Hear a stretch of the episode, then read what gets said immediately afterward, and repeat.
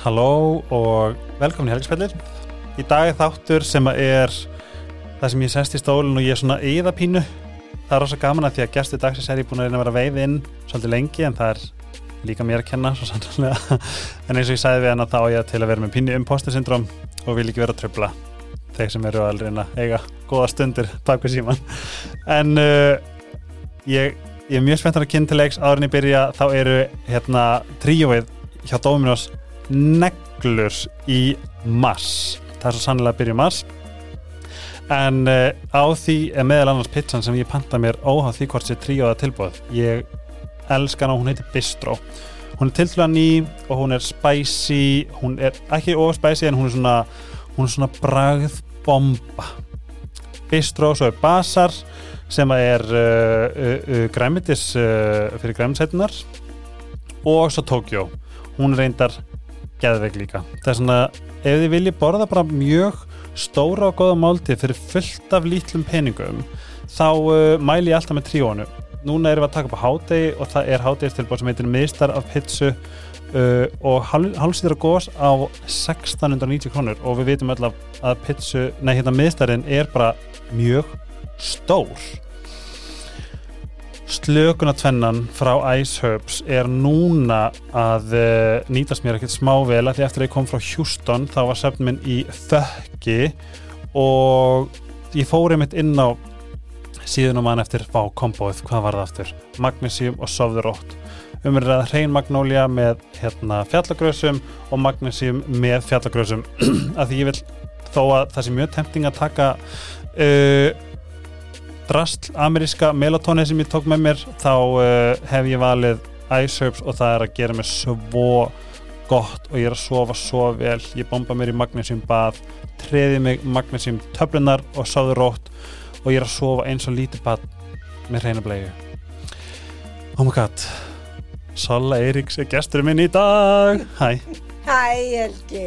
Ég er svo gladur að sjá þig Ó, takk fyrir að, að bjóða mér að koma. Þú mátt koma með aðeins nær, hann er nefnilega pínu... Svona? Já. Ok. Ég er í nokkað hérna virka svona eins og okkur fangirl. Er bara æðislegur. Hvernig hefur það í dag? Ég er bara rosalega góð í dag. Ó, gott. Hvernig er, hérna, hvernig er árið búið að vera hinga til? Um... Sko, árið búið að vera rosalega kósi. Já. Já, þú veist, þetta er hérna, ég er nýflutt í pínulíti hús mm. í Hafnafyrði sem að bara, já, þú veist, ég er bara einhvern veginn, ég var leitt þangað mm -hmm. það var svona pínulíti, rosalega kósi svo situr maður inni og það bara snjóar. Oh, og svo stundu kikið út og bara, úps, já, kemst ég ekki í kaupstæðin í dag, til ekki okkur. Þú veist, af því þá bílið minn snjóaður inni pínulítli ramagsbílið minn já. sem að á ekki breyk. Þannig að mér finnst það að veri, veri bara nokkuð kósi Ég er nefnilega búin að sjá svo oft í snjónum, það sem ég kannski horfa bara litla bróðum minn sem er að teikna eða eða hundi minn sofandi við gluggan og svo sé ég þess að snjó komi bakvið og ég fæ alltaf vá hvað þetta er romantist Þetta er það. Í alverðinni Já, þetta er það og ég býr svona götu þar sem er fyllt af gömlum húsum. Ertu þar? Já, og svo kíkir maður í miðbænum? Já, svo kíkir maður út um gluggan þú veist og þá er bara eins og það sem ég sé, það sem ég set vanalega mm -hmm. þú veist það er svona gamalt raukt hús sem að þau eru rosalega e, skrautglöð og það er bara mhm. svona með alls konar fígurum og dótið þetta er svolítið eins og þetta horfin í eitthvað æfintýri Eða sko ég hugsa alltaf um hérna maður dreymir alltaf að vera einhver svona English cottage stæmi, mér mm. dreymir alltaf það mm.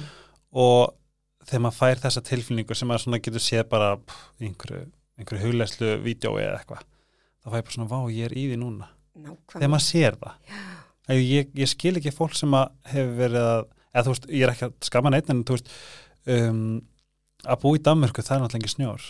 Það er nefnilega allt grátt á veitunar mm, það er bara eins og komin í bara Sovjetríkin bara í, rúmunsku byltingunni sko, það er bara mm. allt grátt allt einhvern veginn manni bara líður og að sé hreinlega bara æg bara svona filter, svona grár filter.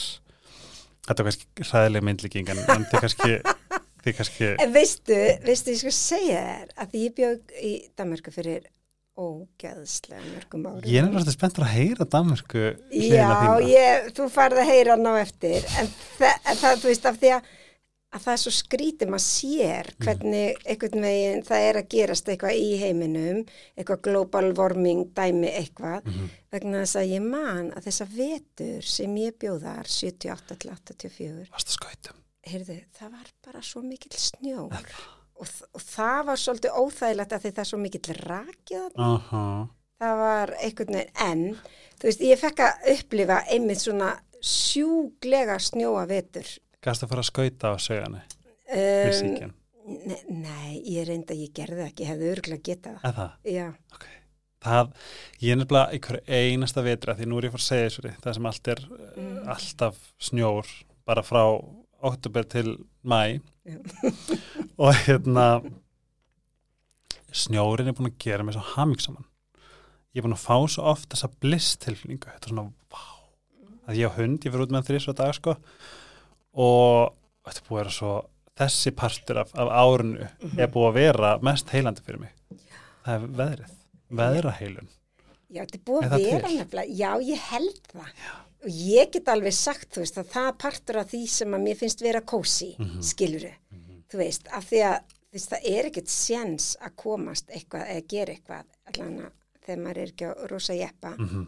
En það sem ég fannst líka svo fallegt við þetta og það er að sko ég, hérna, maður kynni svo nágrunanum sinn.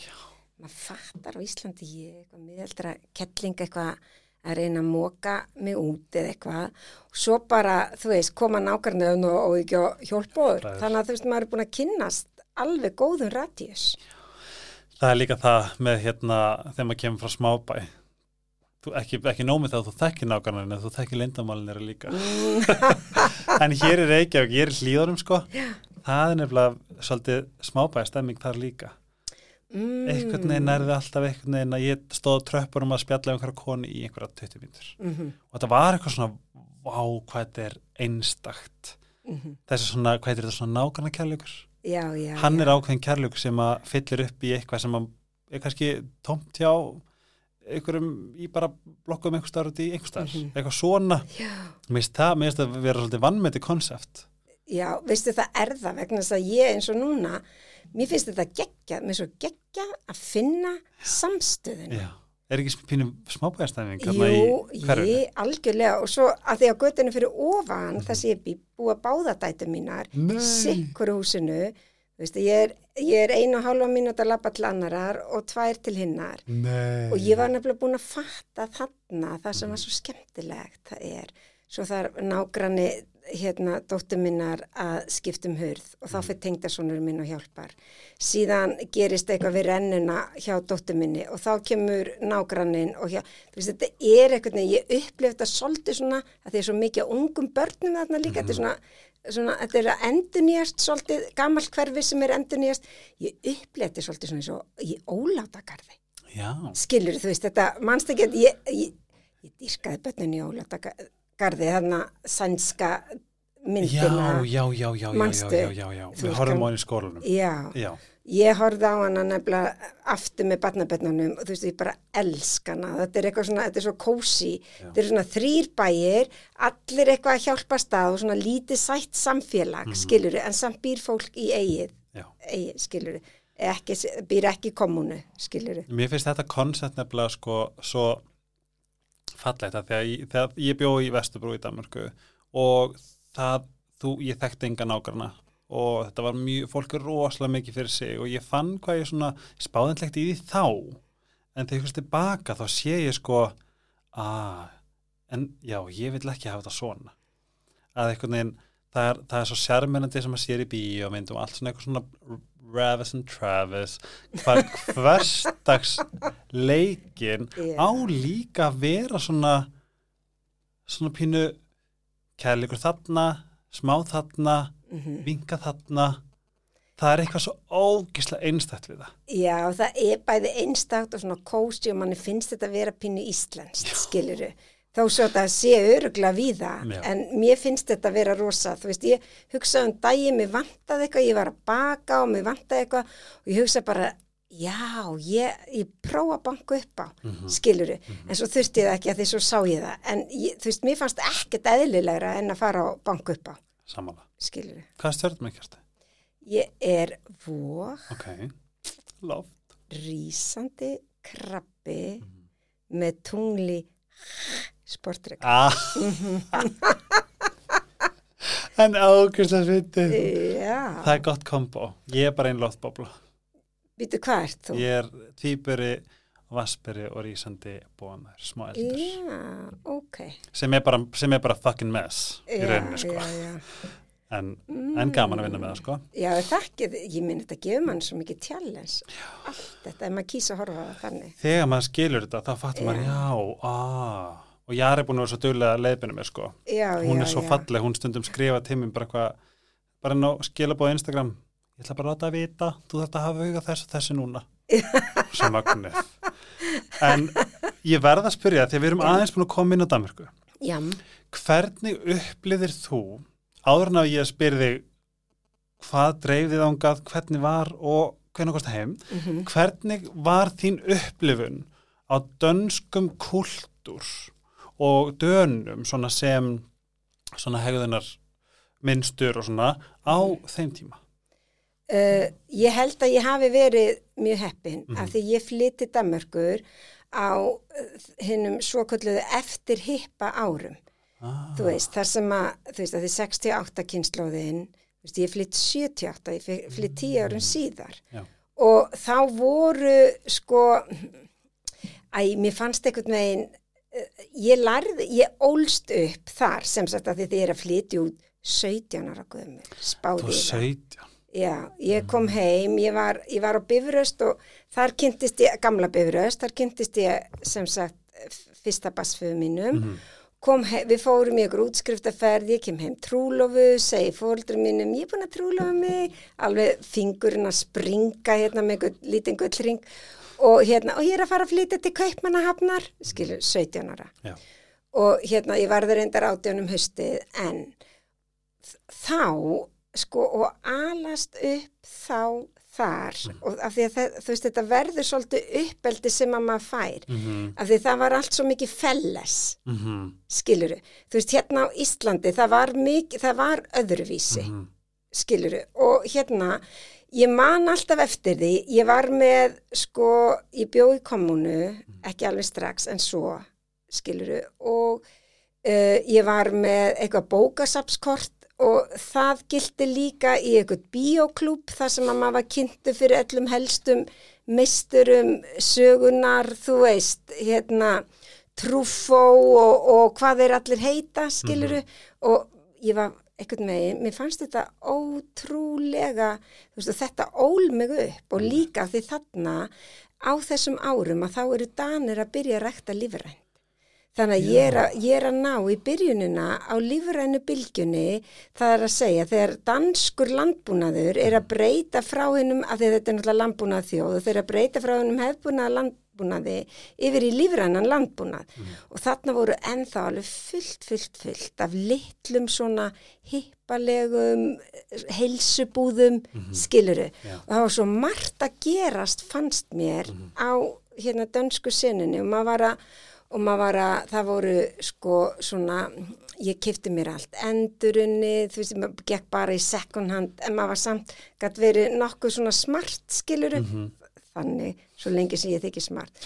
Og hérna, og með dóttu mína skilur, þú veist, maður, ég saumaði alltaf hana sjálf, af því þetta bara, þetta var bara gert, Danir, þú veist, þeir elska borða góðan mat og þarna, þú veist, lærði ég hérna, um, skipti ég um mataræði og, og, og, og lærði svona ímislegt um alls konar kultúra, matakúltúra því þarna var svo mikið, þarna gæstu, þú veist, þarna var rosa, það, það var indvest, það var, þú veist, kynvest, það var arabíst og það var tælen, skilur, nefndu það. Og var það ekkert hér þá? Nei, ekki svona mikið, skilur, nei. jú, öruglega eitthvað, Já. Fattaru, en ekki svona ríkjandi, að því það liggur við á þeim tíma, ef þú varst ekki norrætt, að þá var bent á þig. Vistu, við erum að tala með er smál síðan, þú veist, sem eru aðeins farnir að eldast. Þannig að, og svo eins og í, í köpen, skiluru, þú veist, ég var með þetta bókasafskort og ég gætt farið á, alls konar síningar, ég gætt farið og ég gætt leikt mér plakut, svo skipti ég bara út heima hjá mér, ég gætt leikt mér plötur, það var ekki konn síti. Þú veist, þannig að veist, þetta var bara svo allt öðruvísi. Nefnir sko, ég, það, það, ég hef verið að spá í því að því að sko, hvort þetta hafi svolítið snúast við, að því að í, í mínum huga hugsa ég sko um íslensku kallmennar sem flúðu til köpun sem voru samkynniðir mm -hmm. að það hér var það ekki samþygt mm -hmm. svo þegar ég fer til köpun þá sé ég að þetta var búið að svissast. Mm -hmm. þú veist í, það, var, það var meiri, meiri fordómar. Það var ekki eins mikil vakningakvart hérna bara samkynniðum og, og hér heima þegar ég fór 2012 Já, Vist, ég, ég hef aldrei fundið fyrir ég að ég sé hommi uh, ekki nema kannski mentaskóla en og svo, og svo er ég að hugsa líka því að það er svo mikil huggekultúr sem er eindislegt um, við förum mikil við, veist, flæðið Íslendinga hefur verið rosalega svolítið svona, það er alveg frekar nýtt bara þetta megaflæði. Við mm -hmm. liggum við bara það er bara eitthvað, já, já, kontur nú bara heim og það er bara, það, það er svo magna, ég er bara, uh, þú veist, mér finnst það gæðvegt, en svo er núna nefnilega ekkert flæði núna eru átæli og að það allir er að vinna miklu meira það er að skipleika sér ennþá meira og er, þú, er, þú veist, þú hefur þennan klukktíma til að drekka kaffi. Mm -hmm. en hér lappar þau fram hjá kaffehúsi sérðu vinkonu eina með vinkonu hennar bara eitthvað, hæ? og joinar kaffið. Já, já, já. Þú veist, að því ég sé fyrir þetta svona þetta er það sem þú ert að segja er hugmyndi mín, mm -hmm. hvernig það var þá en ég var kannski meira, ég var í tískubransunum, mm -hmm. það var svo niðurnjörfað og og svona, veist, þetta var alveg hérna, veist, hérna. Og svo kom ég heim og ég bara vá, ég var bara eins og hellaði dani þegar ég kom heim bara, ertu laus fjörtonda og vinkona mín eitthvað fokkar það er þriði, skilur Ertu laus í U34 Já, þú það var bara það. Já, það var reynda svolítið þá líka. Já, það. Já, já, ég held að sko Danir hafa, held ég hafa fæðst með svona ymbiða dagatalsbók skiluru til að skrá í. Og viku dagatal. Já. Ég sagði, ringdi vinkunum bara hvað, mm. ert að gera eitthvað tólta og hún orð, orðrétt sagði fokkar, það er þriði, kontu bara. Og þá, þá fattaði ég. Oh my god, já, herru, ég kannski bara já, emitt, eitthvað svona. Já. og sömulegist þegar, þegar ég var þrejum myndum á seint kom þrejum myndum á seint en ég þarf að láta vita. Þetta er ennþá svona printað í mig. Já, svona alls konar. En svo flutti ég aftur, við, svo var ég þarna 2017 látja opnaði nokkra veitingastæði gló með fyrirhandi mannum mínum og Birgi Bíldvis hérna, Dominós hérna og konuna hans, Egló og þá opn, sko og þá mætir mér allt önnur kaupmannahöfn hvernig var upplifunin? sko, hún var, hún var mjög góð Já. af því að ég held að það við aðalega verið, sko, við vorum heppin Já. við byggum på holmenn Já. og af því að þar var, og þar var svo stutt, þú veist, þar varstu með Kristjani í bakgarðinum mm. og svo svo stutt út af bankínu, la bankína Já. þú veist, sem að, þú veist, ég bara elskaði oh, þú veist, þannig að það var þetta, ég fann rosalega fljótt mm -hmm. svolítið mitt mm -hmm. mína kaupmannahöfn, fattaru og við fundum eitthvað sánagús eitthvað staðar og þú veist, þannig að við náðum að eiga rosalega góðan tíma -hmm. en sko þegar ég spurði stelpurna sem að voru að vinna á gló mm. og danina til dæmis og hva, hvað maður svo að gera veist? og þess að já það er hérna túfu inn uh, í illum eitthvað þú veist þá ættum maður að fara upp á þak í illum mm. og, og drekka tveir fyrir eitt skiluru Við hýttast um þar Já Nei skiluru þú veist það, það var þetta bara einhvern veginn sko þetta var í þeirra og ég bara já, nei, ég meina þú veist, ég er að meina hvað ég að gera mm -hmm. skilur mm -hmm. og þetta var einhvern veginn bara uh, veist, þannig að ég, mér fannst svo gott að geta uppgötvað mína eigin kaupmann upp og nýtt mm -hmm. en ég held að ég gata að því var búin að vera þar já.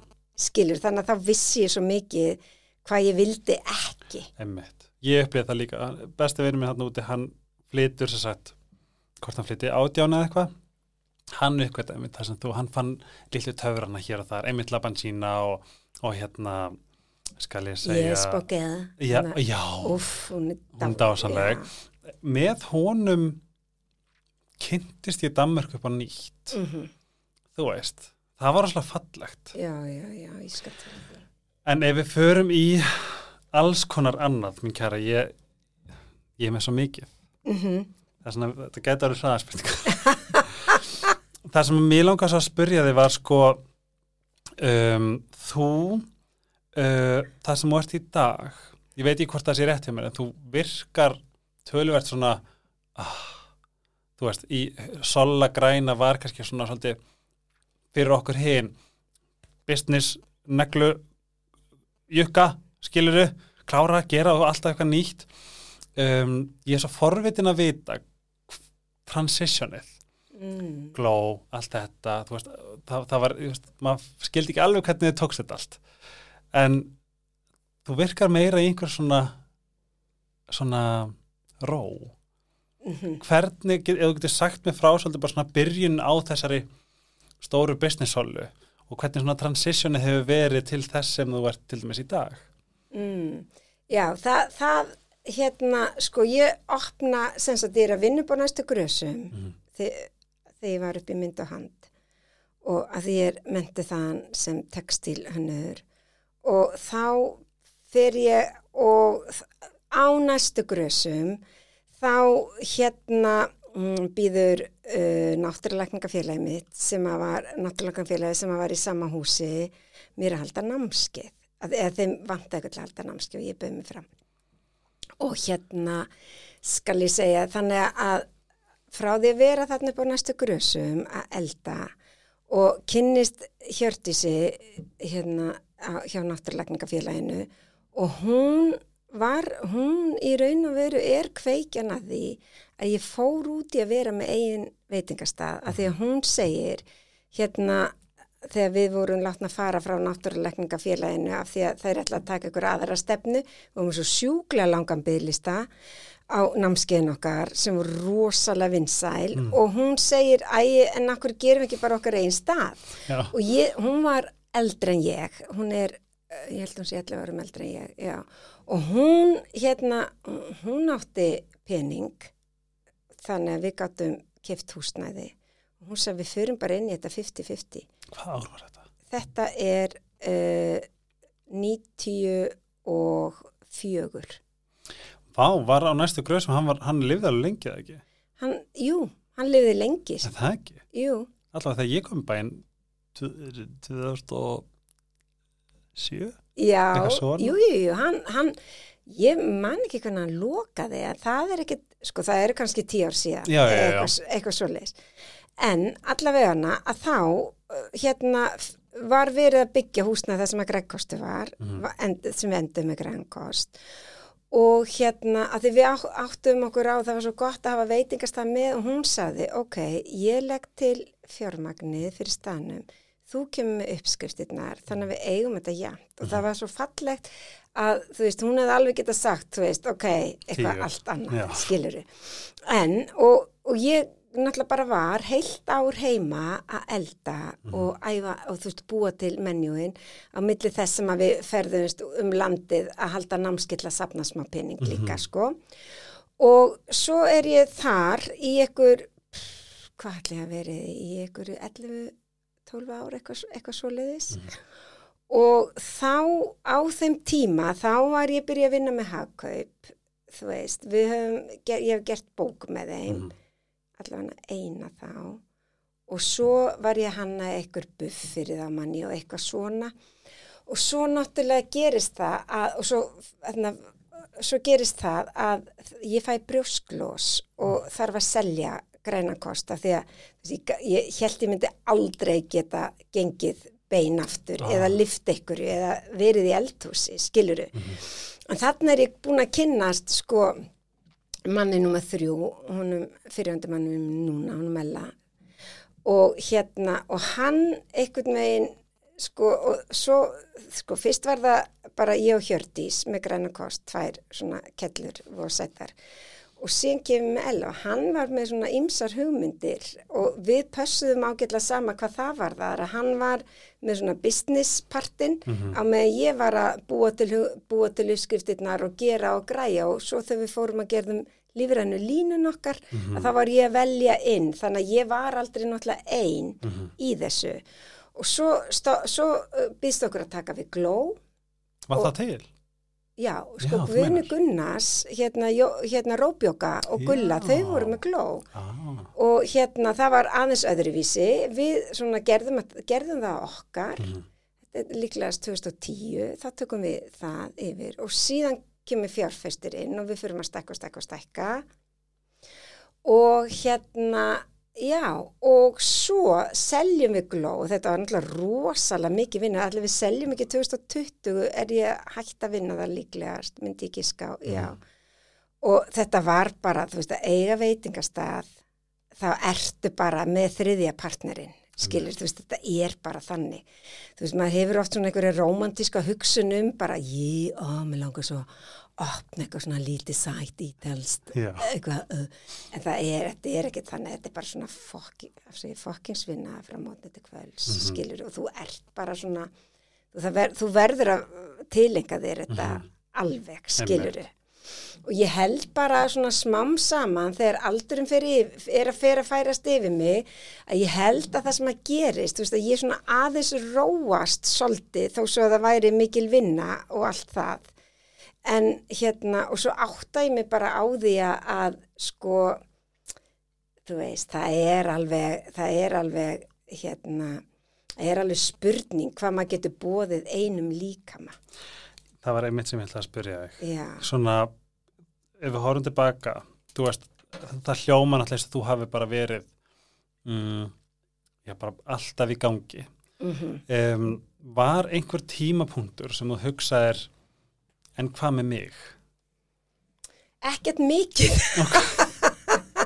sko, þú veist þa- þetta er svo magnað Mhm. einhvern veginn að það er svolítið erfitt þegar starfið þetta er ástriðanin líka Já, já, já. fattaru og hérna af því að ég, ég nöyt svolítið þeirra forréttinda, ég þurfti alltaf að vera svo sem var að koma með nýja rétti eða fá einhverja nýjar hugmyndir eða eitthvað þú veist þannig að þetta einhvern veginn stimuleraði svo kollin á mig líka Já. þetta stimuleraði, þetta kreatífa Mhm. Og svo finn ég í dag að svo, svo seljum við gló og allt þetta og þá hérna og ég byrja að skrifa ég fekk ótrúlega fallegt verkefni að skrifa hérna maturslubók sem að hérna ég fekk reyndar í hendurnar í gær og hérna já já já og það var svo fallegt og Hún, er, hérna hún er líka svo falleg. ég, ó, Megum við segja pínu frá henni? Já, sko þetta er bók sem ég er að gera með hérna breska og bandaríska forlæginu Fæton og þetta er að öllum líkindum eitt stætsta og virtasta mataríslu bóka og listaverkabóka hérna forlæg í heiminum. Bara rosalega mikil respekt fyrir því. Og ég gerði bók með henn 2015 minni mig, eða 16 og þá var ég með æðislan sænskan ljósmyndara en núna fekk ég að vera með dóttu minni. Já. Sem að tekur bara Sko, hún er þetta fyrir fram að mig og sko líka bara það sem fyndi líka, veist, þetta er kannski endilega ekkert sem að verður blasta hérna á Íslandi, hún er væntalega á heimasíðum og Já, Amazon hún eða mun eitthvað. öruglega koma í einhverjar búðir hérna en hún er náttúrulega, þú getur ekki pantaðan á Amazon og Hún er svo fallega sála. já, takk, Og sjáta þetta dóttina sem heitir Hildur, Hildur Ársæls. Ég Hún bara, alltaf í músík og... en líka þetta er svo, þetta bara svona ykkur að segja, þetta er rosalega mikil hérna möblubók, þetta er svo Mhm. mikil tablebók. Mm Ángærslega hamingjum. Hvenær Já. kemur hún, er hún komin út? ég, við, ég fekk þetta eintak bara í gerkvöld í hendurnar og hérna bara beintu öruglega á prentvílunum og ég held að þeir hafi hent út fyrstu prentin sko til þeirra sem voru búin að fór panta Já. og ég fekk þá eina líka og ég held að hún sé að, að, að fara dett inn, ég er að fara til London að gera eitthvað svona útgáfuparti í lokmannarins. Og við íslika fáum ekkert að vera með. Nei, En ef við tölum að þessum hérna, þú veist, þú veist, Sala og Gló var náttúrulega, og þeir seljið svolítið á toppnum með það ekki, þetta var orðið svo, þetta var svo stórt. þetta var, já, þetta var orðið svolítið stórt og svona einhvern veginn sko þetta var bara, þú veist, ég, sko, þetta er einhvern veginn, annarkvært þarf að fara all in Mhm. eða þá að, hérna, að bakka skiluru og á þessum tímapunkti að þá sko hérna sko þa þa það er svo skrítið að þegar við opnum grænan kost að þá var einhvern veginn, þú veist, að borða allir þar. Ég man, ég man alltaf, ég var svo, ó, þú veist, ég fekk viðdísi, hún var fastagestur, Ó, kom alltaf og, og þú veist, ég sá alls konar það er legendarist og já, veistu, mér fannst það svo æði og svo komu, þú veist, allt frá Vigdísi yfir í öskukallana, þú veist, þetta voru allir þarna, einhvern veginn. Og þetta var svolítið, þú veist, það var ekki svo mikið samkeppni Mhm. en það, eh, og en það líti bara á samkeppni af hennu góða, það er ekki málið. En í dag, að þá er eins og með glóð, þú veist, maður, maður var búin að vera svo mikill frumkvöðull alltaf við, við að gera og reyna og það sem fæsti vissu að glóð var, var alveg vegan nema við vorum með kjúklingi og búin að gera allt, alla sósur, allt, allt, allt, allt, allt nema svo var hægt að kaupa kjúkling eða fá kjúkling sem kom fór eldaður í hús og svo hérna var hægt að setja einhverja kjötamborgara skilur en Já. annars var allt því, sko, og á þessum tímapunkti að þá er komið, þá voru allir komni með þetta á, á seðilin sinn og það, veist þannig að sérstaðan er svona aðeins búin að minka og þá er annarkvort, ok, hvernig ætlar að, að vilt, viltu hýfa þetta upp Mhm. og fara að gera eitthvað mikið meira en ég var einhvern veginn bara svo mikið búin með gló Mhm.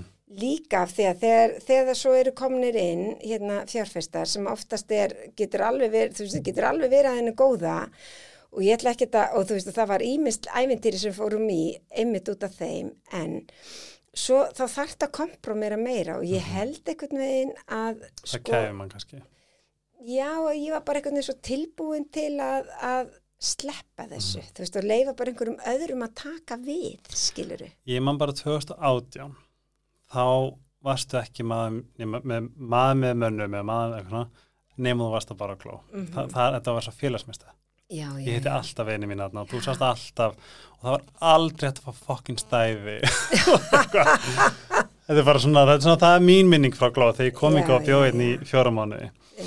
en ef við tölum að þessum í rauninni hvað við segja, heilsu hlið Mhm. að því að vera mikil business konu og vera með mörg hérna að þú sagðir áðan þú veist hvað, hvað eitt líka mig svona þólir Mm að þessu leiti hvernig var það í þínu tilfelli um, svona, svona í lokin eða, eða svona í gegnum svona Já, sko, ég náttúrulega, ég ég fæði þarna hérna brjósklósið sem Mhm. að var ákveðum vendipunktur og ég held ég myndi aldrei geta fara í eldhús aftur og fór vel með mig alveg í nokkur ár. Svo þegar ég fór aftur á útdopnuðu, fór, fór að svo kom náttúrulega hrun koma þarna inn í og eitthvað svona ég bara eigilega, þú veist, ég slátraði mér og ég enda bara í einhverju þegar við erum búin að selja, þú veist, ég enda bara í svona feitu börnáti, Mhm. skiluru og hérna af því að ég var bara búin að bjóða mér allt og mikið og, og það, það er þetta, þú veist, ég var bara einhvern veginn giftvinninu mínu og hérna og það og ég bara líka með minn leið fyrir það því ég var ekki nógu duglega að hugsa um mig. Mhm. Ég man þegar ég var með græna kost að þá sagði Hjördís, partnerinn minn, veistu hvað við skulum gera svolítið, við skulum alltaf og, og Greg Kostur bauð upp á að við fengum nuttíma einu sinni viku og við vorum eiginlega í 11 ár einu sinni viku hjá sömu nuttkonni sem Já. að þá þekkt okkur, skilur, þekkti líka mann okkar og allt þetta. Svo þegar maður er einhvern veginn, þegar þú hættir þessu, þú hættir að hugsa vel um af því að, því það er alveg staðreind að þú byrjar að eldast Mhm. skiluru og einhvern veginn og maður kannski átta sig ekkert á því af því að það er svo rosalega mikil ástríða eitthvað staðar innra með þér Mhm. að hún næri einhvern veginn að svæfa þau einkenni sem byrja í líkamannu þínu, Mhm. skiluru og svo held ég bara að þú veist, að svo þegar maður hættir þú veist, maður heyri marga tala um þetta Mhm. og það bara allt í einu þá er bara eins og eitthvað springi, eitthvað bladra springi og það er ekkert á tanknum Hvernig líst þetta börnat sér? Svona í, í, í hérna einkennum og hvað svona, hva, eða, eða bara andlega, hvað svona og, og hvað, hvað gerður í kjölfarið? Hvað, þú veist, að því að nú talar um að passa upp á líkamæðin sem er svo Mhm. góða punktur að því að að því að hérna, við vitum það með börnut, við vitum að vonandi flest að þetta sest e, að líkaminn komi með enginin fyrst vinkonum mín var flógaveiki kjölfar af hérna af hérna uh, börnáti mm -hmm. uh, Eva Lauvi talaði með um hérna í hérna podcastinu að hún bara hún, hún bara held hún væri að fá hjartafall mm -hmm. hún bara fór, hún, það, það var, hún bara fann eitthvað ógeðslega alvarlegt sem er svo skrýta eða sem er svo störðla að hugsa til þess að þetta sé af, af hérna af aflengum þess að við erum ekki að hlusta nýja passa mm -hmm. upp á líkamann okkar hvernig var þetta þér? Sko hjá mér var þetta þannig að, að það voru eiginlega svona svolítið, það var eins og líka minn, hann hefði núna tíma til, bara ok Kjelling allar núna róa þig, allar að stoppa? Og ég eitthvað, já ok, nú skal ég, þú veist, þegar í lokin, fattar mánudaginn. Já, og það sem að gerist er að ég, það fer að taka sig upp svona eitthvað gamalt sem að ég hafði ekki hlustað á ég hefði lendi bílslisi eða það hefði verið kert á mig í LA fyrir, þú veist, eitthvað 2008-2009 eða hvernig það var. Svo allt inn það fann ég og ég er ennþá að við erum að taka á því núna sko, þú veist að það er, ég fæ svona brjósklossi fyrsta og þriðja hryggjalinn í halsinum og hérna, og svo var ég einhvern veginn bara, það er svo skrítið hvað getur kertið áfram og þú finnur ekki fyrir þessu, skilur þau mm. og svona eh, sitt lítið hver, það var eins og líka minn ákvað bara ok, nú er hún stoppuð. Nú ætla ég að leifa þessu koma upp sem hún er búin að vera þrýsta niður uh. og horði ekki á og hlustaði ekki á. Nú, nú skulum við taka það upp að því að við viljum að hún hérna, verði aðeins að aðeins áfram. En nú, á meðan hún er að róa sig í börnátinu að þá sko skulum við fara og, og bara gefa henni tækifæri til að, til að virkilega halda ekki áfram að því að þú veist það fylgjur svo mikið orkuleysi og svo allt í hennu kom einhverju gamli kvillar mm -hmm. skilur það, það gerðist hjá mér. Ásamt því eins og þú veist að segja mig Efi að þú veist að stundu þá fekk ég bara svona, svona stressverki fyrir brjóstu svo alltaf, svo var ég alltaf að segja byrju hvort er hérta hægri eða vinstra megin? Já, sitt, sitt, sitt, já, jú, yes, það er vinstra megin. Að því þú veist að fann ég eitthvað svona rosalega stressverk. Mm -hmm. hægra megin, skiluru og hérna, og þá vissi ég að þetta væri stress. -hmm eða kom einhver svona skrítinverkur það sem ég aftur á móti held að hafi bjarga mér til þess að ég hafi ekki alveg farið sko og verið tekin upp með kýtispaða og það er að ég er búin að vera alltaf síðan eigilega svona sen ég bara rétt undir þrítögu já bara í rúm 30 ár að þá er ég búin að vera alltaf hjá þerapista ah. næstum því vikulega eða svo gott sem vikulega örugla samtals mm -hmm. allan ennan tíma og ég hætti því ekki þú veist þó svo að það væri mikið að gera að þá fór ég alltaf til þerapistan skiluru og ef ég hefði ekki gert það þá held ég hefði lend mikið harðara mm -hmm. af því að þú veist þarna var bara líka með að lenda sem að hjæltan gæti allt vissi ekki að, að hann væri búin að þrýsta niður fyllt af gömlum kvillum skiluru þannig að þú veist ég var og sömulegis andlega þú veist líka bara alltaf andlega sem hefur komið fyrir mann tó að sé bara einhver minitráma mm -hmm. þau er náttúrulega að setja slíki líkamann. Það er svona þú ert að taka þetta gamla líkamlega gamla andlega og að því að mitt, það er ekki verið að gefa plás þá bara svona nei, ekki núna setna, mm -hmm. kannski enna hérna á mánudaginn eða eitthvað svona. Já. og þetta er sem ég er búin að læra svo mikið með í mínu ferli sem, sem ég lærið af hérna af uh, mín ráðgjafa á þeirra það er sko að uh, mín, í mínu tilfelli er þetta bara andleg áföll mm -hmm. og ég var svo lengi með marstræðir mm -hmm. og ég skildi ekki af hverju fyrir hann að ég svo opnaði með það við þerapistan og hún segir það bara, bara hún bara svona, ah, hún bara greipta strax mm -hmm. en það er líka því að þú ert ekki að gefa þú ert ekki að gefa heilanum og þessum sem situr í líkamannum að losa, þú ert ekki að gera vinnuna eins og að fara í nutt veist, leggjast niður í, fara í sjóin fara að gera, það skiptir ekki máli nuttbessu, I don't care, bara eitthvað líkvæmt til að losa um þess að þegar þú er komin í ró þá, eins og ég upplifið þetta, þá er bara systemið bara eitthvað, hei, hann er fyrst að gefa okkur tíma núna mm -hmm. við verðum að vinna úr þessu þess að þá er bara, þá, þá er bara sett hérna, play mm -hmm. á allt þetta ógisla tráma sem er svo margtræðir mm -hmm. þetta er svo magnað og það er alltaf að koma meira og meira fram hvað okkar ábyrð skiptir engamáli hvort þú getur verið, þú getur verið bara, bara innan gæðslappa móðir. Ok, það er sagt bara, þú veist, í, í hérna tímans tönn, bara, já, hann er konur og mömmur og sjáum börnun og hús og lalalala, þetta á að vera eitthvað svona eitthvað svona piece of cake eða svona, svona kona getur hugsa bara, já, en, já, þú veist, en ég þannig alltaf bara að sjá um börnin og lalala, en það er örgulega erfiðast að vinna í heiminum.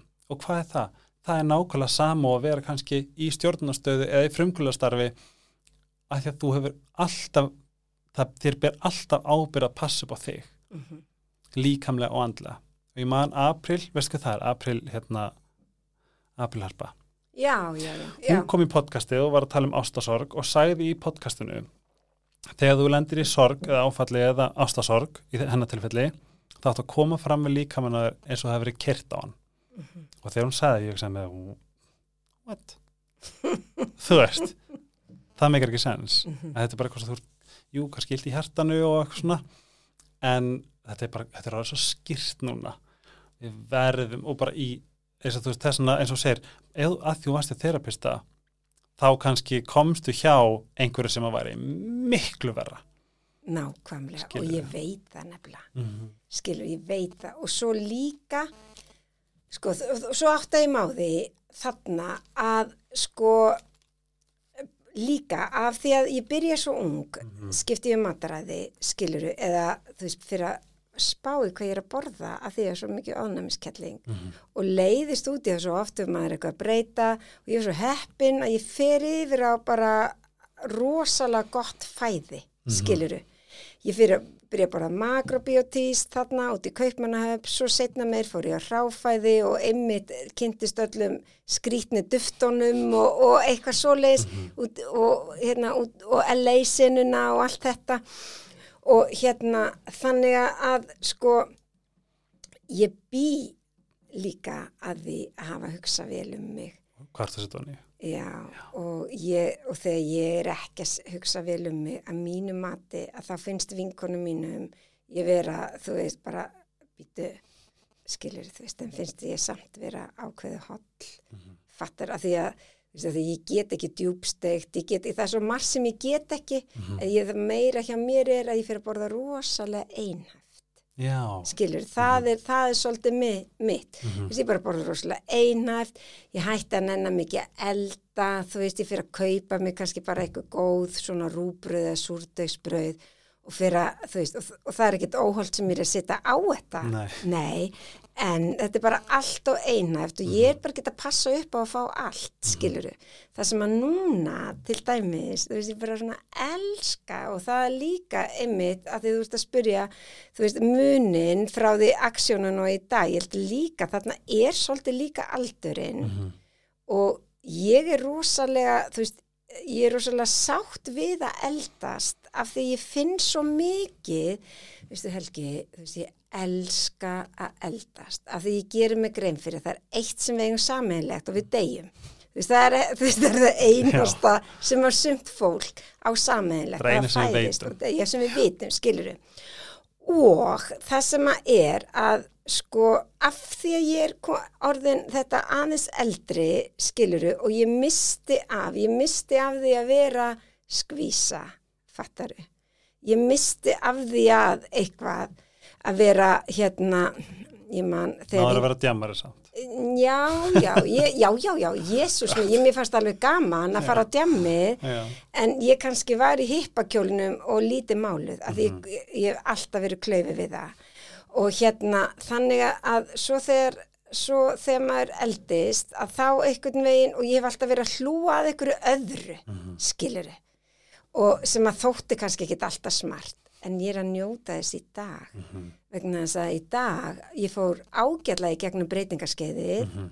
skiluru, var bara ég fór og lit mæla hvað með vantaða vítaminum og áttam á því að vítamin og vítamin er ekki það sama og að ég þarf samt að vera dúleg að ég fæ ekki allt á fæðinu alveg sama á hvað góðu mataræðu þú ert, mm -hmm. færða bara ekki ekki eins og, eins og staðan er í dag með öllum þessum bylgjum og stressi og mengun og allt, nei, nei, nei, það er ekki hægt og það er allt í góðu en það sem að gerist er að ég einhvern veginn næ að hafa þú veist, ég næ að hafa vera teimt áfram á svona fallegan hátt fyrir mig mm -hmm. skiluru það getur vel verið að einhver annar hefði sko hérna með eitthvað annan bakgrunn og eitthvað í öðruvísi uppbyggingu Einmitt. þú veist, ég var, ég var svo heppin að því ég er alveg upp fóldra minnir eru, þú veist, í sjálfu sér fallegir hippar og ólokkur upp á góðu mataræði, ég tek sér við kepplinu og, og fer, finn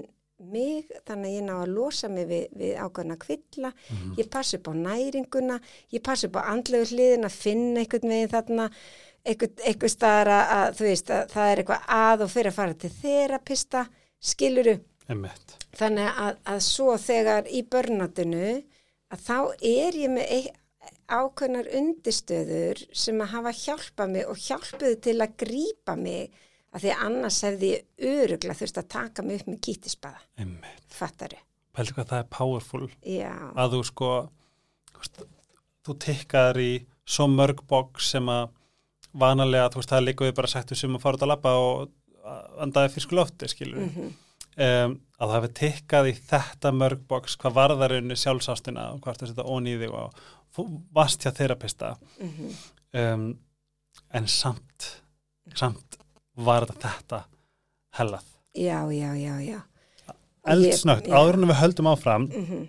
ég fór í baðum daginn og ég veit ekki hvað gerist en ég brann allar á bakinu og um, Sítokær er minn oh, besti vinnur hérna í uh, helgarsvellinu en ég verð að segja eitthvað frá ég nefnilega nota bodylósinu þeirra grimt en í öllum vörun þeirra er svo fárlega græðandi uh, uh, magnað uh, hvað segir maður, efni hafsinn sem heitir kítosan sem er búið að vera margsanna að sé með ótrúlega græðandi áhrif. Og ég fann það þarna ég, svona, ég, ég, ég svona, ég, það var sem verið solbrunni, ég skil ekki af hverju kannski var einhverja þvó baðið undir mér áður en ég fór, ég veit ekki en bodylósinu þeirra er á svo frábæra verði 2575 krónur og með helgaspjallskóðanum sem er helgaspjallið þá getur þið fengið 20% afstæði uh, almennt og svo eru líka, talandi um græðandi þá eru þið líka með græðandi spray og græðandi sáragél og ég sverða bara, þú veist, ef þið eru með eitthvað þarna uh, sömulegis ef við erum með hrjúahúð uh, þetta er bara svo fáránlega effektíft svona effektívar vörur, þú getur séð það góða við þessa vörur, þú getur alltaf séð um, þetta heitir uh, árangur. En uh, um, þau eru búin að skopla til sín alls konar verðlunum uh, hérna Global Makeup Awards sem að þið getur fundið inn á síðan eða síðugur.is og ef ykkur langar að prófa vörðunar þá er travel kitið fullkomið til þess að prófa sér áfram. En í því er face cream, body lotion, hand cream og body scrub. Þess að ég mæli svo með og notið kóðan helgaspell til að fá þetta örlíti ódýrara. Takk síðu kæru, love you. Ég er svo forvitin að það sem hérna um, það sem ég langaði svo spurjaði með. Þegar núna ertu búin að vera í ákveðinu ferli og búin að ganga gegnum skilnað sem er aldrei auðveldur. Skiptir ekki máli í hvaða formi en áður en við kveiktum á það komstu með svo mikið af góðum ráðum fyrir mig og það sem ég sé líka á samfélagsmeilum er að þú, þú, þú í kjölfarið kickstartur alls konar nýjum þú ert að færa sjóin ekki satt þú ert hjá uh, á hérna þerapista, tveim mismundi þerapistum Mm -hmm. aðra hverja viku nennir að deila með mér og hinum svona hvernig þessi svona nýja hegðun í kjölfarið að núna uh, hafa bara orðið breytingar og þú hefur þá gert breytingar líka Já. Sko, ég hérna, uh, ég skal ég segja þér, þú veist, ég bara af því ég fattaði þegar við hérna áttuðum okkur á því hjónin að nú væri þetta, nú værum við á krosskotum. mm -hmm. Nú, þyrst, nú eigilega væri sniðugast fyrir okkur að halda sitt hvora áttina. Og hérna að þá átta ég mig á því, það er svo, það er svo magna, það átta ég mig á því bara, já, vá, þú veist, ég er að fara að skilja og ekki það að ég hafi ekki viljað það, áttum okkur að því. En skilnaður er bara alltaf í sjálfu sér Þess, það, það getur aldrei verið auðvelt Mhm. eða ég held ekki. Og þarna eftir 20 ár að sko það var svo ég las í dag var ég að lesa frétt um konunans Bill Gates. Hún var að segja Jú, já, hún var að segja sko að hún einhvern veginn, þú veist hún bara grenjaði og grenjaði og grenjaði af, bara í marga daga af því að sko af því að lífið hún átti að segja að lífið varð ekki eins og hún hjælt að það yrði. Mhm, og ég tengdi svo við þetta að þegar þú, þegar þú heldur að eitthvað er að fara að vera á einhvern hátt, mm. skiluru og svo áttar þau á því að það er ekki að fara að gera það. Og alveg sama af hverju, mhm. skiluru ú, já, og hérna og þá bara að þá einhvern veginn ég áttaði með því að eða ég áttaði mig ekkert á því það vitlega sem ég fekk, ég bara var eitthvað að kaupa ykkur bóka ótubúl og það var um konu sem að hérna var um, um þetta var dökk bímyndaleikona sem að hafi kynst kokki frá Sigilei og hérna og það var svo mikill rasismi nefnilega á Sigilei, þú veist þetta var svo margt fléttað inn í þetta en svo fær hann krabba megin og deyr og ég man að ég er að lesa þetta og ég bara, ég hugsa, þá hugsa ég bara, vá, að skilja við eitthvað, það er svolítið eins og eitthvað sé að deyja. mhm. ég upplifa það hendur bara stannig Já, fannst þið það ekki? Jú, ég sko, og ekki nóg með það til þess að komast í gegnum hann og hlúa mér, þá þurfti ég líka að hægða með þannig. Já, Og það er alveg stór pakki. já, og ég áttaði mig einhvern veginn, ég hugsa bara, vá, hvað gerist, þú veist, og svo, svo fór ég að, að svo jóki, sko, ég var hjá, búin að vera hjá sama þeirapistanu lengi og svo fór ég að fara til annarar konu líka, en ég var hjá mínum aðra vikuna og hinn, hérna, hinna vikuna, að því hún er, hjá henni leggst á nuttbekk og hún er að svona þig. Já, og svona hlaða orkustöðvarnar og gera svona ímislegt við þig. Mhm. Það eru sko svo, svo ólíkar en eru báðar rosalega flottar. Og kannski hér- saman, kannski bara meira powerful. Já, Svona- ég fann að ég, þú veist, það var að ég þurfti meira Mhm. og, og hérna, og ég, ég fann bara ég þurfti meira og hérna, og þarna fekk ég líka nuti, þarna fór ég að fara aftur til sjúkra þjálfarans míns gamla, skilur að því þarna er ég í börnáttinn að finna fyrir kvillunum líka, þú veist, þannig að þetta einhvern veginn, svo fór ég að fara til, hérna, þannig að ég er í nuti og ég er í þerapíu og ég er fyrir í göngutúr.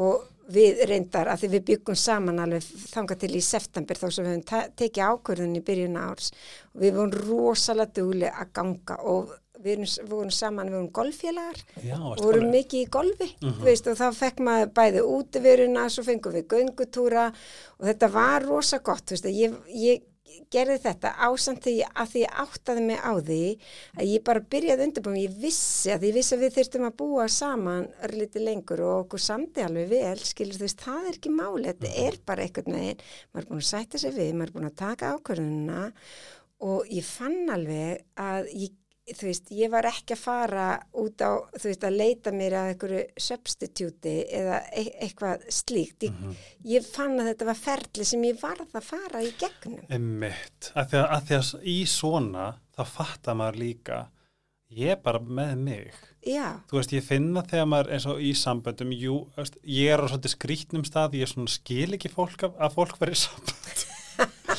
mér finnst það svo mikil mér finnst það svo skrítið, þetta er bara svona skrítið tímbil sem ég er á. En þetta er líka öll hegðun síðustu x ár. Uh, þú ert partur af dúói skilur og þegar það breytist þá þarfst að sitja með all of you skilur og það eitt og sér er sjokk út af fyrir sig.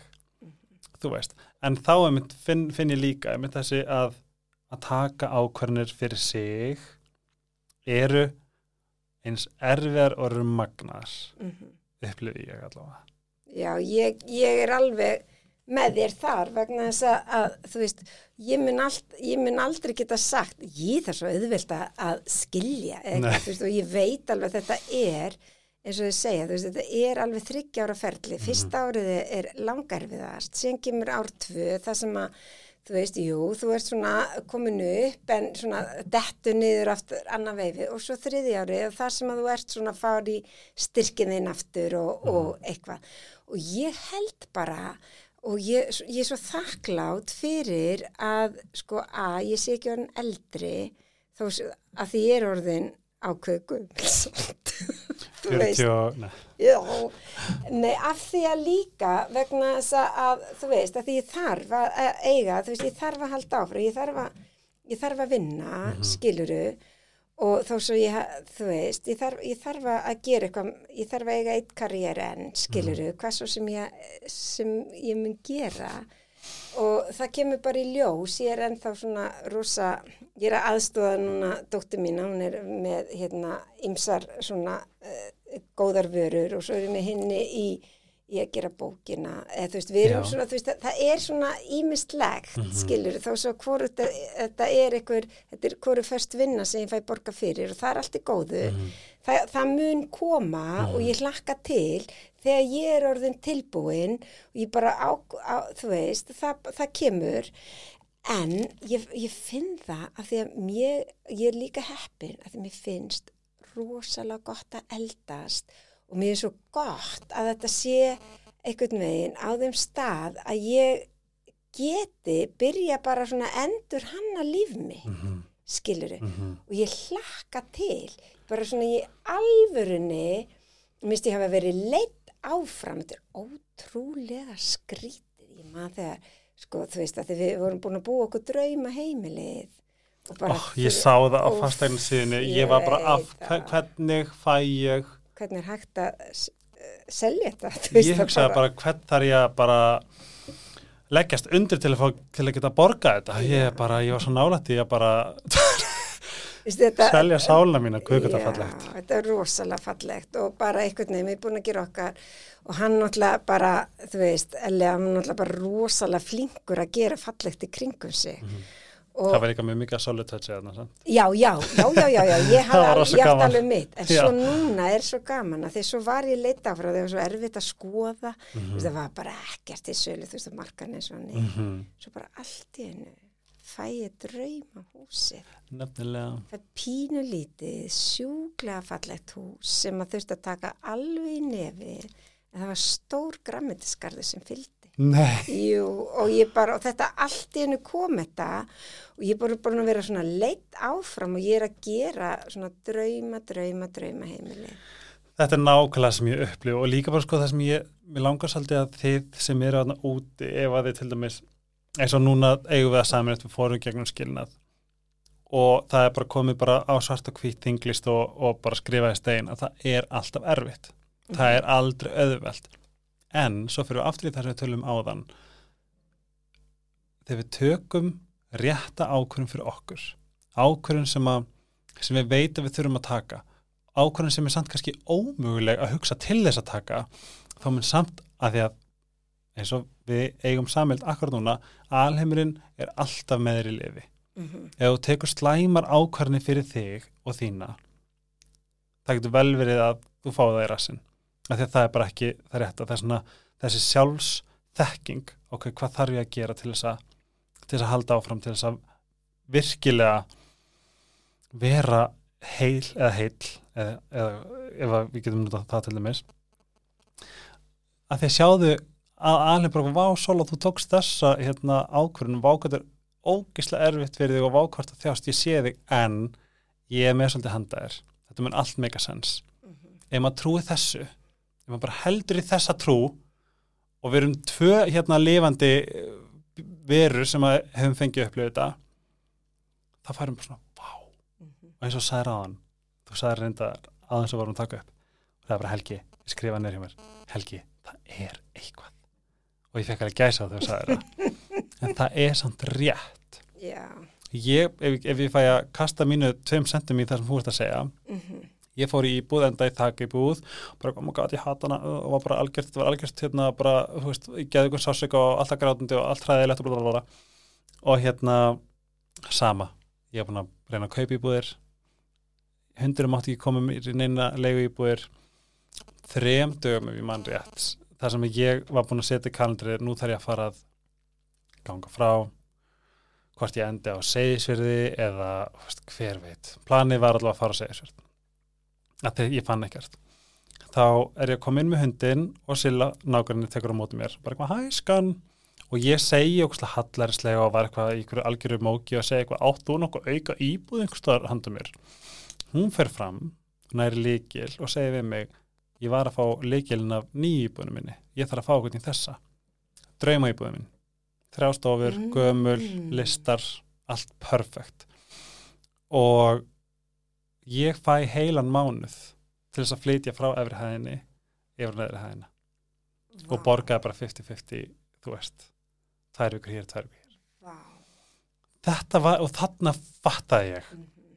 á meðan ég hef búin að vera í einhverju móki oh my god, allir er svo ósangjafnir og þessi samþýtt ekki tilbóðu mitt og Revis and Travis og eitthvað svona í algjöru móki það fattaði ég, ef ég hefði bara hlustað að alheimurum var bara eitthvað býtið í smástundur I got you. Mm -hmm. þetta er allt, ég er með þér liði. Mm -hmm. og, þú, og þú finnst græmitiskarð sko hvað þú veist þetta nákvæmlega eins og þú ert að segja. Veist, þetta var bara, þetta er svolítið svipað skiluru og það nefnilega og mér finnst þetta eitthvað svo fallegt af því að, af því að sko einhvern veginn, maður tekur erfiðar ákvarðanir. Mm.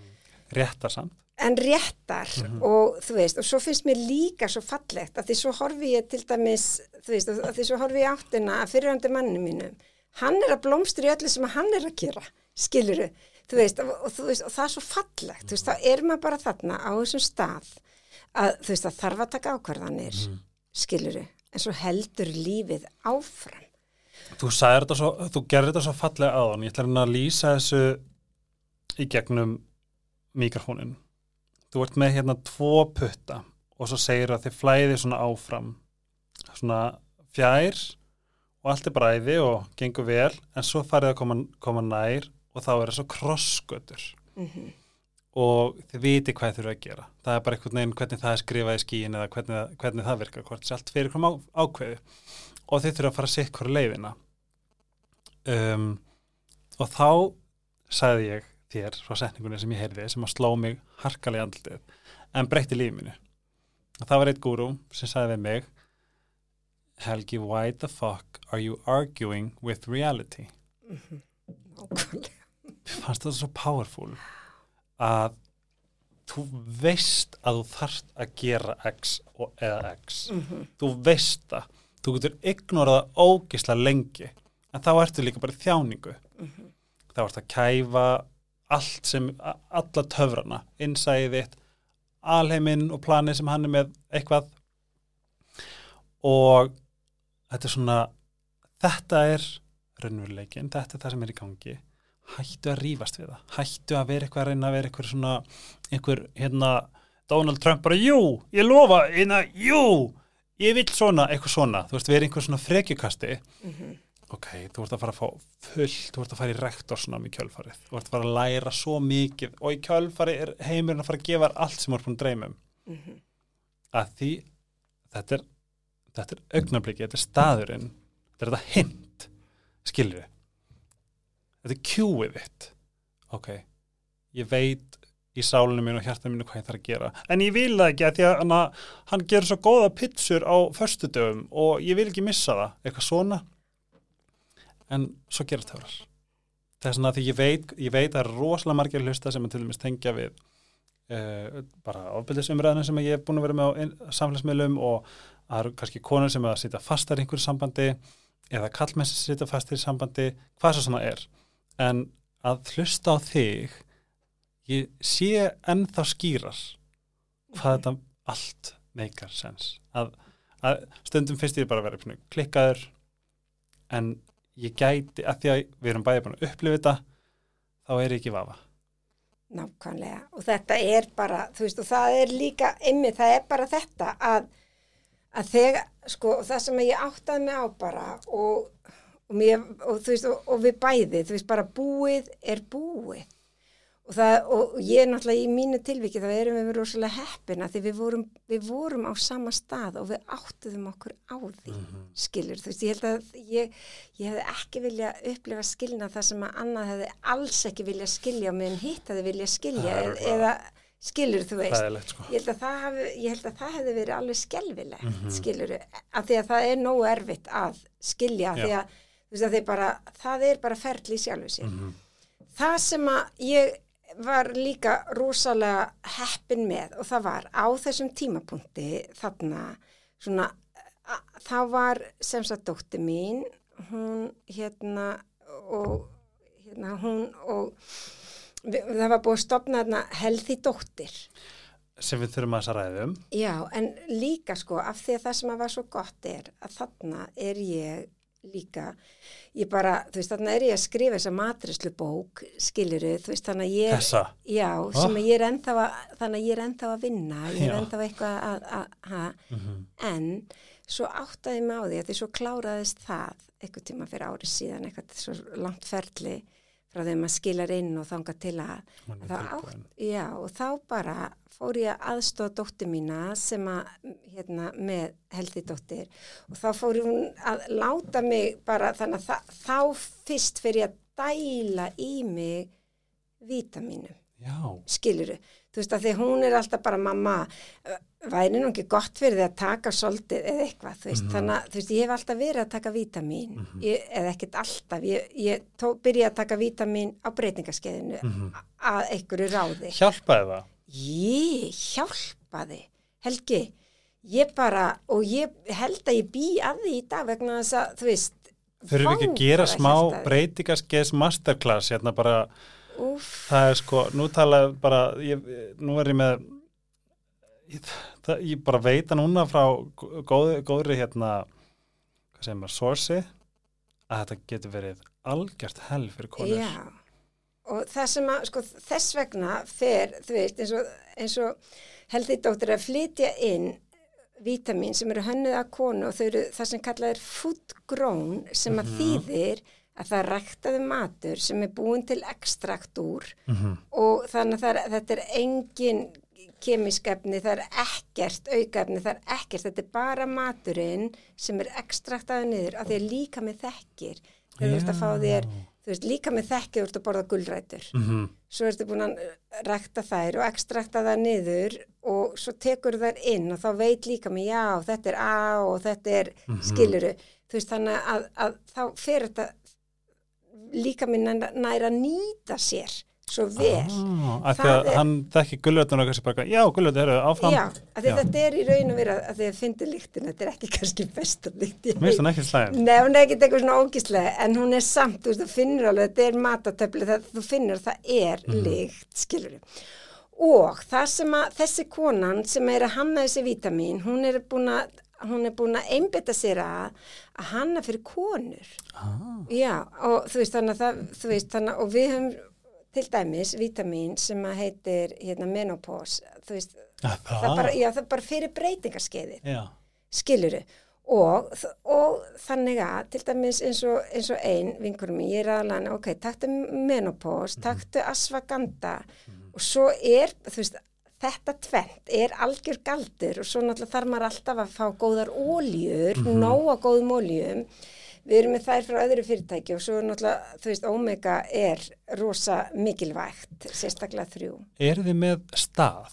Er þið með búð sem fólk er mætt sko, og fengir ráðgjöf? Við erum með, nei, en við erum með sko vefverslun mhm. -huh. og, og svo erum við reyndar að selja í nokkur um hagkaupsbúðum, fjardakaup, erum bara með topp tíu bestsellerana mhm. -huh og svo erum við með svona líka meiri sér í vefversluninni og við erum uppi í ármúla og þá getur við komið og keift. Já. Við erum uppi eitthvað tvísvar, þrísvar í viku mm -hmm. Þetta er allt inn að heimasíðun okkar helði dóttir.is og þar getur við séð hvernig við erum uppi og það getur þú ert að ná í vítamin sem þú ert að panta mm -hmm. eða þú getur komið inn að göttunni þegar við erum uppi og, ef, og eins og dóttir mín er rosalega, hún, hún veit allt, skiluru. Okay. Ég er bara svona miðaldra sem að geta eilt að reynslunni og það sem að mér fann svo gaman og það var að við erum með fyrir sko ófrískar konur Já. og við erum með konur með batna brjósti af því að veist, þetta eru og ég elska þegar það eru svona svolítið búið að sér hanna vegna þess að þú veist að fara inn í einhvern vítamin business, við vorum, við gerðum það ekki að því við ætlum að fara og eitthvað að því við vitum að þetta er einn erfiðastu businessin Já. og þetta til dæmis, þú veist, ég er bara hérna sjálfbóðaliði hjálpin að velja inn vítamin og, Mhm. og eitthvað svona en það sem að til dæmis, þú veist, að þetta er við tökum á eins og við erum með fyrir, fyrir hárið og húðina og hérna, það er svo gaman að segja frá því, þú veist, að, að af því að, að svo kom COVID Mhm. og við hérna gengum báðar í gegnum skilna, fyrst hún og svo ég það, saman tíma? Já, og hérna, og það var svo magna að þá vorum við rosalega svona leiló og, og ekkert að, að, þú veist, gátum ekkert verið eitthvað, við, eða ég var ekki aktífa, hún var náttúrulega alltaf eitthvað að reyna að gera svolítið, hún fór líki í, í svolítið börnátt, sko, og hérna, en þannig að vara náðu svo mikið að auðlýsa sig sjálf, veist, það er eiginlega besta, Það er langt besta markasendingin. Ég hefði gefið manuali þegar ég var í dansþættinum, hún var með svo erfitt hár Já. og hún núna, hún bara, þú veist, hún trúir þessu valla en það. Ég, hún, hérna hárkuslukona mín, hún segi við mig bara, þú veist, róaði aðeins vegna þess að það vex svo svaka láðir hann og hún fór að taka sjálf og hún segi, ég veit ekki alveg hvort að ég eigi að gera þetta vegna þess að hárað mig verið fallegra, þykkar og allt það, ég þarf að líta oft. Endalist, já. Nákvæmlega, það er dýrt. Skilurðu, þú veist, að, Ég var að spá sko að því að núna bara, ég held henni sé alveg sama að segja þetta. En mamma sér til dæmis, ef, ef ég veit bara að það er svo stór kom, svona community af konum sem eru að kasta fram hugmyndum varandi breytingaskeiði. Þegar ég er líka bara búin að sjá það og, og, og upplifa bara, við mamma tölum alveg fárlega mikið saman. Að, og þú sagði nefnilega áðan líka, Sola Granna sjálf, eh, man ekki nákvæmlega sagði það, þú sagði ég held ég hafi verið að taka vítamin áður, en núna er ég að taka vítamin. Hvað þýðir það? Er, Jú, sko af því að áður að þá náttúrulega kannski var ég með eitthvað svona eitt multiglas eitthvað skiluru, þú veist en núna að þá, þá dæli ég í mig vítaminu, Mhm. skiluru. mm Þú veist bæði það vetur, þá er ég að taka D, það er hérna, það er COVID, skiluru, ég er að styrkja ónumiskerfi, ég er að taka immune, svo er ég gegnum skilnað, þá er ég búin að vera að taka asfaganda og B-vitamin, Ég nefnilega, ég, er svo, ég, sko, ykkur að segja, þá, þá, ég elska þegar einhver kemur með pakka handa mér í podcastið, en hér fekk ég tunguskreipir mhm, og þetta er bara til þess að losa bakteríur, ekki satt? Jú, bara kvöls og mótna, þú veist, að, að því að þú líka með þetta er ein, ein, eitt af, óbunum sem að losar út, Mm skilur. Og setur inn, þetta er allt svona Já. eftir aðgengi. Já, Og svo uh, fekk ég hérna Food Grown Skin Hair Nails, ég fæ þurrbusta, vegan. Mhm, og svo fæ ég hérna body oil. Lífræna olíu, úr hampfræjum, ó, ég leng það er svo, ég leng lavender tangerine, og það er sko geðveik líkt að þessu, mhm, og að því ég nefnilega er svo forvitin um ashwagandha, ég hef, hef heyrt þetta svo oft, mhm. en hvað er þetta? Sko það er sagt að hérna uh, á Íslandi þá eigum við, hérna, við eigum, skal ég segja, burnirótina Mm og í, svo ginseng í Kína, ashwagandha, þetta er, sko það er talið þetta sé upprunni svona í kringum Indland, eitthvað stað þar, það er alltaf, þetta er í Ayurveda, -hmm. hérna, fræðunum. Og það sem að ég, það sem að það er búið átt að, það er að sjá, það er búið að vinna það þannig, að búið að ekstrakt þetta, að það eru rosalega sko efnin í, í þessari rót að þau eru alltaf eða rót þá er eitthvað rosalega kompakt og gott, Já. skiluru og í þessu að þá róar þetta taugakerfið um leið og þetta gefið þér orku þannig að þetta er ekki að slæfa þig. Nei, en ég finn bara einhvern veginn þú veist að það, svona, þetta er að næra taugakerfið ekki á kostna líkamlegu orkunar ég það meinar. Er, erum við þá ekki saman um það að vítamin eru svo ógæslega mikilvæg Jú, ef við ætlum að passa upp á líkamann og systemið. jú af því við erum svo oft, við erum þó svo við borðum rosalega hotlan og góða mat Mm -hmm. Þá held ég að það eru rosalega fáir sem er að fá alla næringuna sem að líka með þarnast Mhm. og svo kom alltaf svona mismunandi skeið skilur, þú veist, ég minn það getur verið mismunandi að gerast hjá þér Mhm. bæði eins og ég, ég trúi því að, þú veist, auðvitað og ég veit það að ef að maður er duglegur að- borða hérna á meðgöngu og með brjóstakjöf, jésur minn, þú veist, ég vildi óska ég hefði verið smá duglegur því ég var orðin svolítið gömul því 8. júli, ég var orðin 34 og í alvörunni það losnuði í mig tennur og, það, það? og ég fekk kollvik, skilur, já, Já, þetta er bara, þú veist að þetta, þetta gekk svo nærri mér, ég var Já. að vinna náttúrulega eins og em- já, já, eins og við vitum og svo náttúrulega, þú veist og koma kannski sveflilla nætur og, Mhm. og eitthvað svona um, og svo líka þú veist að, að þegar ég held að allir hefði gott að því bara segjum að þú sé að það er ekkert að þér og allt bara í fínu að þá samt sem að það er vetur Mhm. þú veist, og við búum á Íslandi, taktu gott D-vítamín. og við erum með vók verlunaði D-vitaminnið okkar og hérna og uh, ertu, þú veist, er eitthvað vesen, skilur þú veist, magnusíum fyrir, eins og þú varst að segja í byrjum, ég varst að æðislegt að heyra, hvað, þú veist, hvað varst að tala fallega um magnusíum og ég held að æsörps er líka rosalega fín vítamin, æði. skilur með góðum jurtum og svona, því að eins og í þessum þá er líka mikið jurtum Einmitt. og það ræsi sveppir í flest og það er eitthvað svona, veist, ég veit að þetta er svona, þetta er meira heldur en af því að þetta er ekki synthetísk vítamin, nema hvað að svo þegar þú ferð að eldast þá held ég þá þarftu líka en þú þarft ofta að taka svona svolítið í takt við hvað er í gangi hjá þér og þetta áttaði á því líka. Já, ég ætla einmitt að spyrja, þú fórst í, fórst í einhverja mælingu Já, ég fór í mælingu hjá henni Mattildi, vinkonu minni og ég veit að það er hægt að fara í mælingu öruglega víða, Já, já. skiluru Ég hef bara aldrei heyrt það. Nei, Er það blóð? Nei, Nei. þetta var bara, það er þarna eitthvað tæki, þetta er eitthvað tæki sem var hanna fyrir geimfarana á sínum tíma, Já. eitthvað sjúklega nákvæmt, r- hávísindaleg Já. sem að því fór, að, til, fór á sínum tíma til hormonalæknis Já. í Belgíu þegar ég var að byrja breytingaskeiðinu, Já.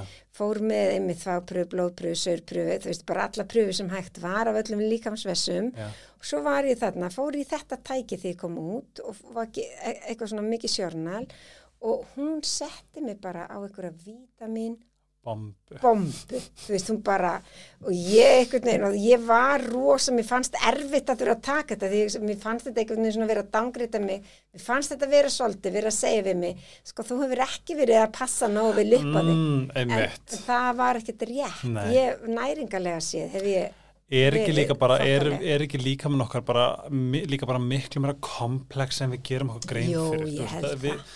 Þú veist, ég meina það er sömi sem bara borða ristabrauð og kakó og, og Já, það er bara já, nóg, já. skilur En til þess að svona, svona fulfilla, tikka í sem flest box til þess að, til þess að, hvað segir maður, bara nærast og vaksa sem best. mm -hmm. Það er eins og bara trén. já, Það þarf sól, það þarf þetta, það þarf Mhm. eitt, það þarf þetta, það þarf potið líka snjó af og til, já allt þetta. það þarf allt, skiluru Það er nefnilega allt. Já. Við erum bæði að fara. yes, Uh, ég, þú ert með opið bóð til að koma mánaðarlega. þú bara nýtir þér að þið er hendar. en kíkið inn á healthydoctor.is og það sem ég mæri mig líka því að ofta er maður pínu lost uh, senda á eins og bara þetta, senda ykkur á Instagram hvað gæti mér vantað farið ángað eða ef þið sjáu það á eitthvað iSerbs bara skrifa, þú veist, það er svo það er, þið vitið svo mikið þú veist, ég eina sem ég veit að eftir að ég fór að taka en vítamin daglega þú finnur breytinguna og það er svo það er svo gott að finna uh, results, þetta, það er ekki niðurstöður að finna árangur. Árangurinn. já, Sola, Sola Eiríksdóttir, Sola Græna. Þú ert á Instagram undir Sola Eiríks. Og þú postar mjög skemmtilegu efni. Takk fyrir það er svona ég mæli með að þú hérna að þið farið inn á Soli og fylgist með um, við erum líka með rosa fallegt á Healthy Dóttir Dóttir já, Instagraminu. það eru fallega myndir svona. og ekki hika við að skrifa og spurja mm Og- Algjör, opna tímandir eru væntalega þar líka. Já, Vá, hvað er búið að vera mikil bara þú ert svolítið mögnuð. Svolítið- leiðis. Já, ég, svona, ég fæ bara svona mm, uh, dásamlegt að fá þig og takk fyrir að taka tíma til þess að koma. Kíkja á Healthy Dóttir Instagramið Sola Eiríks, gerum hana að influencer Sítokær Dominos Sítokær uh, afslagkóðin helgi helgaspjallið, Dominos tríóið ef þið eru söngukvöld og Ice Herbs fyrir alls konar íslensk og náttúruleg vítamin eins og ekki vera feimin að skrifa og spyrja love you þið sem er að hlusta sponsorar og núna vjúsola, þú ert geggjöð mm. takk fyrir mig, takk fyrir að hlusta og nei, við sjáumst ekki en við heyrumst næst.